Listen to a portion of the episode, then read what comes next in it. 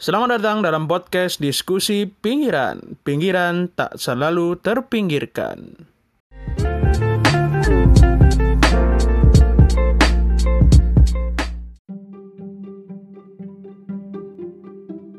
Assalamualaikum, kembali lagi di diskusi pinggiran. Kali ini bersama gue Uga Yoga Reksa. Kali ini diskusinya tidak uh, ada tandemnya alias monolog, tapi semoga ini bisa menjadi pemantik buat teman-teman pendengar semua. Uh, terutama isu yang bakal gue bahas uh, hari ini adalah isu tentang rujukan atau ya uh, bagaimana kita uh, menghadapi banyaknya informasi dan bagaimana kita merujuk uh, suatu kejadian atau suatu isu uh, untuk menjadi acuan uh, dan uh, apa ya seenggaknya menjadi pengetahuan bagi kita terhadap fenomena atau isu tertentu. Nah, uh, masalah hari ini yang banyak kita tahu ya uh, itu adalah masa masalah terkait hoax ya. Informasi kan uh, banyak banget tersebar hari ini melalui WhatsApp, melalui Facebook, melalui Twitter, uh, banyak sekali dan bentuknya uh, bermacam-macam. Ada yang bentuknya video ada yang bentuknya tulisan. Beberapa juga mungkin bentuknya uh, suara kayak yang teman-teman dengar sekarang ini.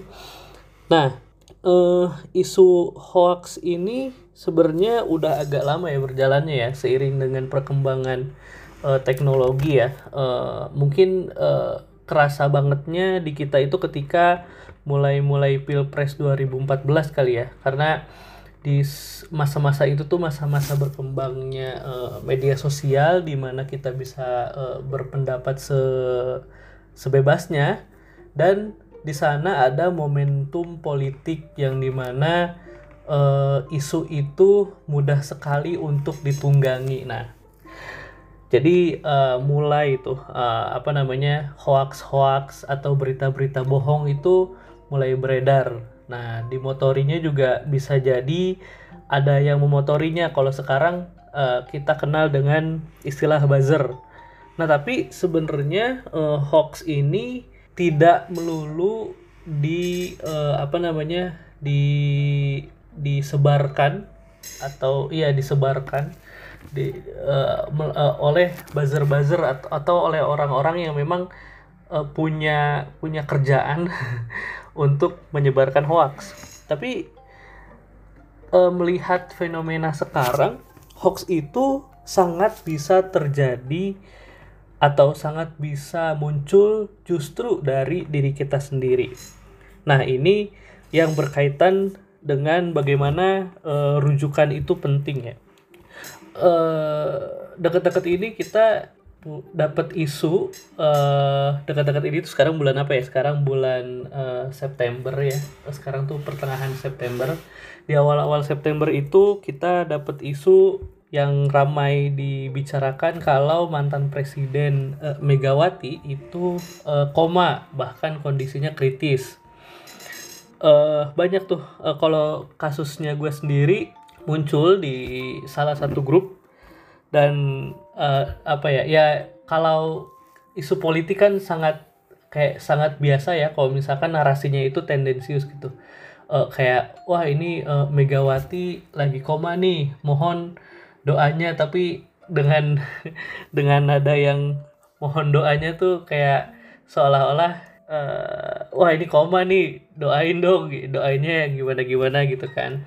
Atau sebelumnya sebelum-sebelumnya di masa-masa vaksin ini vaksin itu bisa uh, apa namanya uh, membuat uh, benda benda besi itu yang bisa nempel di magnet itu bisa nempel di tempat bekas uh, suntik uh, vaksin kita gitu.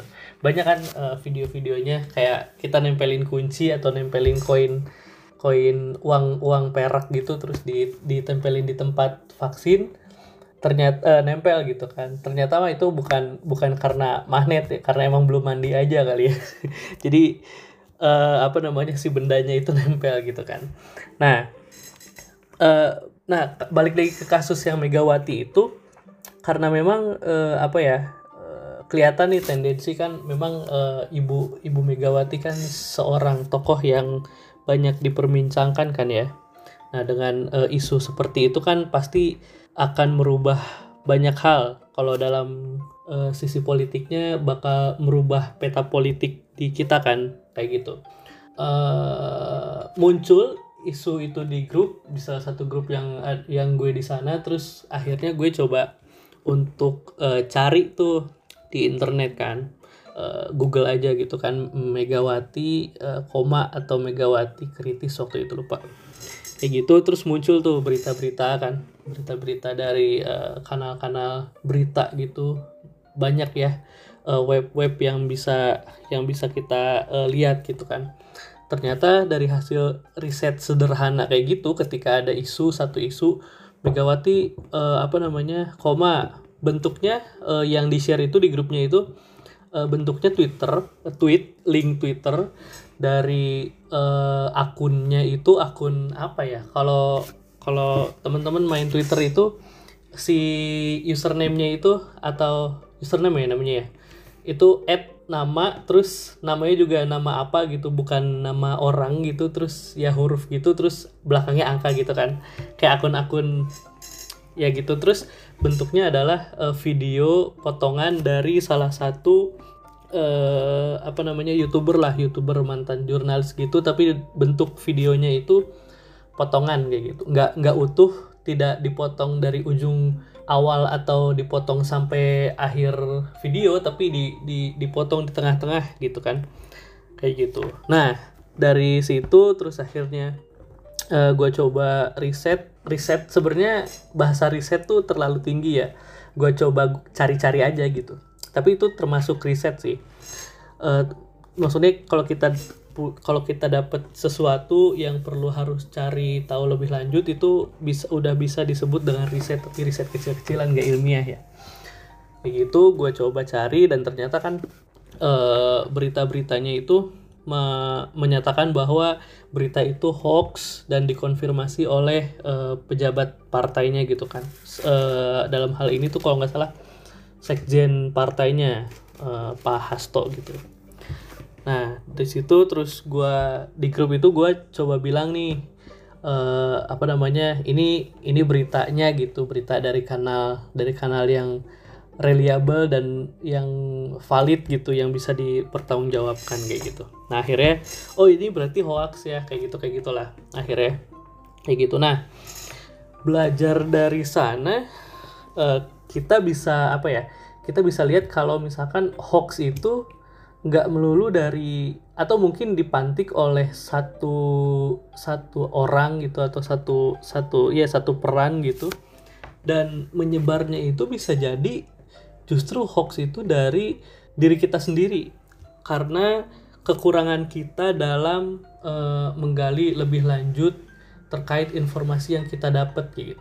Kalau misalkan kita dapat satu, satu informasi kita asal share aja atau kita merasa oh ini uh, apa namanya uh, si si sumbernya ini udah valid lah pokoknya uh, apa namanya no debat gitu ya. No debat atau ini pasti valid nggak bakal bisa salah percaya sama gue gitu. Kalau sekarang kan uh, apa namanya terkenalnya gitu ya kalau sumber dari mana percaya sama gue gitu kan.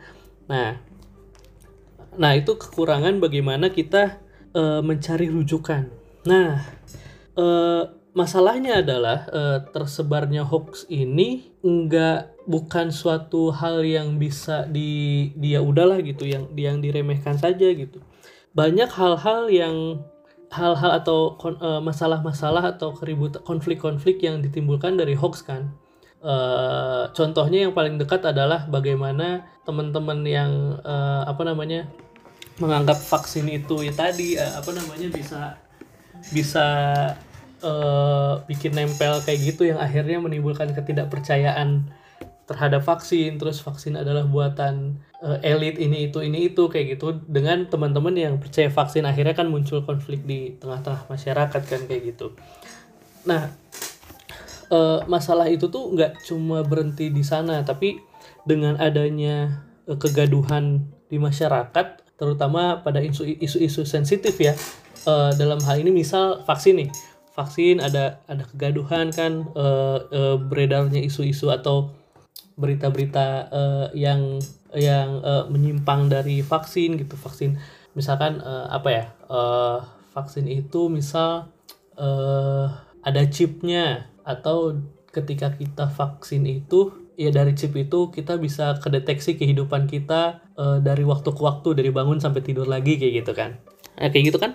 Berbahaya ya. Uh, berbahaya itu dalam artian nah ketika uh, apa namanya sesuatu yang tidak berdasar itu uh, jadi jadi hal yang tersebar di masyarakat dan menjadi keyakinan atau hal yang dipercayai oleh masyarakat jadinya eh, bisa bisa menimbulkan eh, misinformasi yang justru atau eh, apa ya kesalahpahaman yang eh, apa namanya kesalahan yang berjamaah gitu yang yang yang masif gitu. Bisa jadi ya satu satu satu kelompok ini meyakini sesuatu yang salah kan akhirnya bisa fatal ya.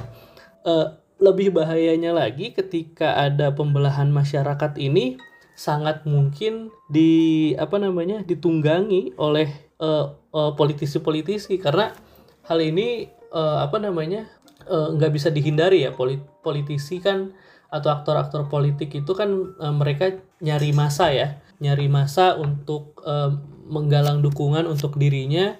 Dia nunggangin isu nih. Misal kayak kayak kemarin ada di salah satu uh, tempat ya di salah satu sekolah kayak gitu. Isunya adalah sekolah itu uh, apa namanya uh, sekolah itu bukan uh, berbasis uh, bukan berbasis uh, apa namanya aliran tertentu yang menjadi aliran uh, apa namanya aliran mayoritas uh, umat Islam di Indonesia kayak gitu itu di isunya itu disebarkan oleh salah satu politisi di kota tersebut kayak gitu. Nah, uh, itu dari dari sudut pandang politik memang dia coba nyari uh, apa namanya nyari masa untuk apa namanya untuk untuk mendukung dia. Kalau misalkan uh, uh, apa namanya jangan jangan deket-deket oleh jangan deket-deket institusi ini nih bahaya tidak tidak satu aliran sama apa namanya aliran mayoritas di Indonesia gitu. Uh, nah akhirnya menimbulkan uh, apa namanya uh, semangat semangat dari masa kan akhirnya oh iya jangan jangan deketin ini akhirnya dia uh, dapat suara dari orang-orang yang memang uh, benci dengan orang yang bukan sealiran kayak gitu padahal isu yang dia uh, apa namanya isu yang dia sebarkan ke orang-orangnya itu belum tentu kayak gitu. Nah ini agak apa ya agak konfidensial lah jangan jangan disebutin lah ya nanti di podcastnya apa namanya uh, ya nggak enak lah. Pokoknya ada di satu satu kabupaten sekolahnya diisukan tidak satu aliran dengan aliran mayoritas uh, umat Islam di Indonesia terus isu tersebut di di apa namanya digaungkan oleh politi, salah satu politisi terus uh, ya kayak gitu. Dia dia kayak menuduh lah menuduh kayak gitu kan. Padahal kan uh, apa namanya uh, dengan tuduhan seperti itu uh, dengan data yang ada sekolah itu tuh tidak tidak apa namanya tidak seperti itu kayak gitu nah kayak gitu. Nah yang namanya di uh, apa ya yang namanya nunggangin isu kayak gitu. Nah dari misinformasi kayak gitu uh, bahayanya uh, isu yang misinformasi itu ditunggangi oleh politisi untuk semakin membelah masyarakat. Nah kayak gitu. Nah uh, terus kenapa sih uh, balik lagi ke rujukan tadi kenapa akhirnya uh, apa namanya hoax itu bisa berkembang? Nah atau ya misinformasi atau berita-berita yang salah itu bisa berkembang. Uh, balik lagi ke yang tadi kan isu itu tidak hanya disebarkan oleh para buzzer atau or, emang orang-orang yang punya kerjaan untuk nyebarin isu bohong tapi bisa juga dari dari diri kita sendiri. Nah yang bisa kita uh, apa namanya yang bisa kita uh, atasi adalah bagaimana kita sendiri nih uh, mulai dari pribadi-pribadi itu uh, apa namanya bisa menyaring informasi kan. Untuk setidaknya kita kalau misalkan dapat info kita nggak nyebarin info info palsu kayak gitu. Misalkan uh, kayak kita dapat link nih uh, kuota gratis. Banyak banget kan di awal-awal di awal-awal pandemi tuh yang kuota gratis buat uh, mahasiswa buat uh, apa namanya buat siswa gitu. Link ternyata linknya link apa sih link link scam gitu kan. Link palsu yang link link phishing yang dia bisa apa namanya nyuri nyuri data kayak gitu loh pokoknya. Itu kan eh, domainnya bisa kelihatan tuh .com-nya atau misalkan eh, web dari telkomnya .co.id-nya dia tuh bukan telkom.co.id misalkan telkom eh, .xyz misalkan kan banyak banget yang kayak gitu kayak gitu tuh. Nah itu hoax hoax kayak gitu tuh di bisa apa namanya eh, sangat memungkinkan berasal dari eh, minimnya kita eh, memilah atau ke minimnya kemampuan kita untuk memilah informasi atau me- me- memilih rujukan. Nah, kenapa bisa salah rujukan?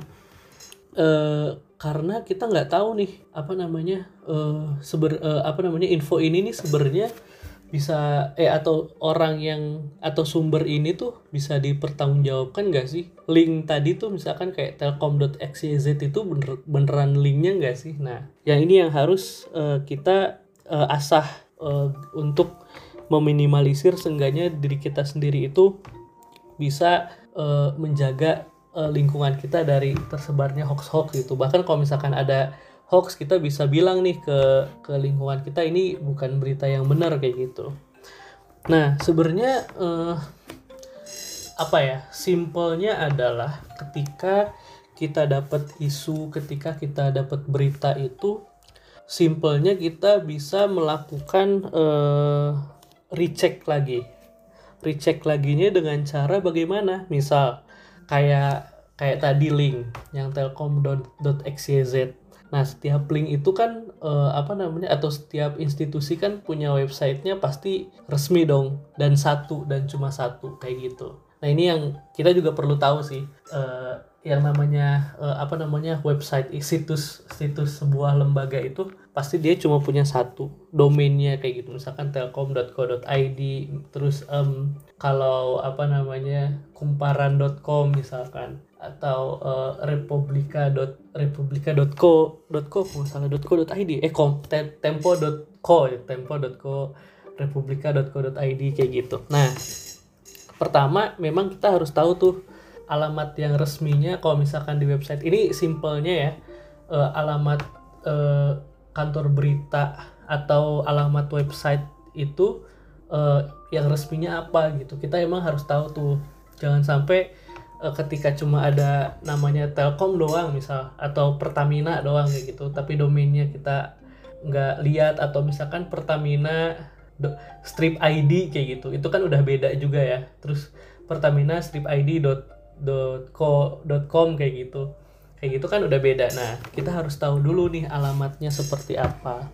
Baru hmm, apa namanya eh, kita bisa masuk tuh ke website itu untuk nyari informasi eh, lanjutannya bener apa enggak ini itu kayak gitu. Nah yang pertama itu kita harus tahu alamat resminya kalau untuk link ya. Terus yang kedua eh, yang kedua itu selain kita tahu alamat resminya kita juga harus tahu eh, apa namanya tipikal dari eh, website atau sumber-sumber digital ya. Ini kan eh, konteksnya digital ya.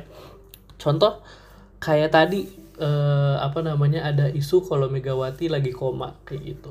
Rujukannya dari akun Twitter yang kita nggak tahu siapa usernya misalkan at user 123 kan kita nggak tahu ya si user 123 tuh manusia aslinya siapa kayak gitu ap- eh, eh, terus si namanya juga nggak tahu siapa kayak gitu. Nah eh, contoh untuk eh, akun media sosial juga kita harus harus tahu nih kalau misalkan kita ngambil rujukan kalau yang kayak gitu tuh sangat memungkinkan eh, apa namanya si berita itu tuh eh, atau mungkin sangat dianjurkan bukan sangat dianjurkan harus mungkin ya untuk merecek kembali eh, info yang dikeluarkan oleh si akun kayak gitu tuh yang misalkan yang at user 123 atau xyz eh, apa namanya 910 gitu. Karena kenapa kita harus recheck lagi? Karena kita nggak kita nggak tahu nih di balik orang di balik eh, akun media sosial itu tuh siapa. Dia tuh orang yang memang punya kapasitas untuk dapetin data itu dan menyebarkannya nggak sih? Atau emang dia ya udah motong aja eh, dari video orang. Nah ini lan- eh, nanti bakal lanjut ke eh, konten yang dikasih kayak gitu. Jadi itu yang yang kedua itu si eh, kita harus tahu dulu nih si sumber ini nih bisa dipertanggungjawabkan gak sih? Kalau kita aja nggak tahu eh, apa namanya si sumbernya itu siapa orangnya? Gimana kita mau dapat apa namanya gimana si informasinya itu bisa dipertanggungjawabkan.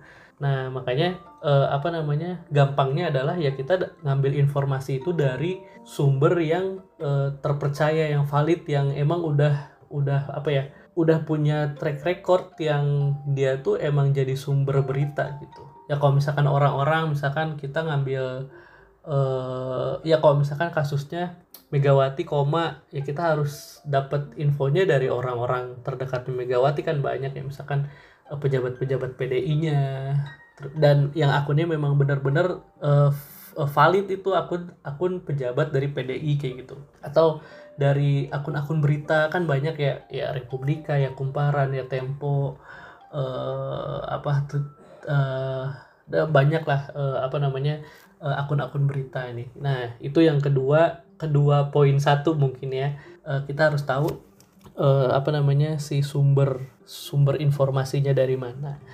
Nah yang kedua kita juga bisa eh yang poin kedua dari nomor yang nomor dua atau poin B dari nomor dua itu selain apa namanya sumber informasinya kita harus bisa kita bisa ngelihat si konten dari apa yang dia sebar. Nah contoh tadi eh, contoh balik lagi ke yang Megawati koma itu. Yang gua dapet itu video potongan dari akun YouTube orang yang bukan yang bukan akun YouTube si penyebar akun Twitter ini, si akun Twitter ini yang nyebarin video. Karena yang akun Twitter ini juga kita nggak tahu siapa kan. Nah si videonya ini tuh dari dari Hersubeno Arif kan. Eh, belakangan beliau dilaporkan tuh eh, gara-gara berita itu.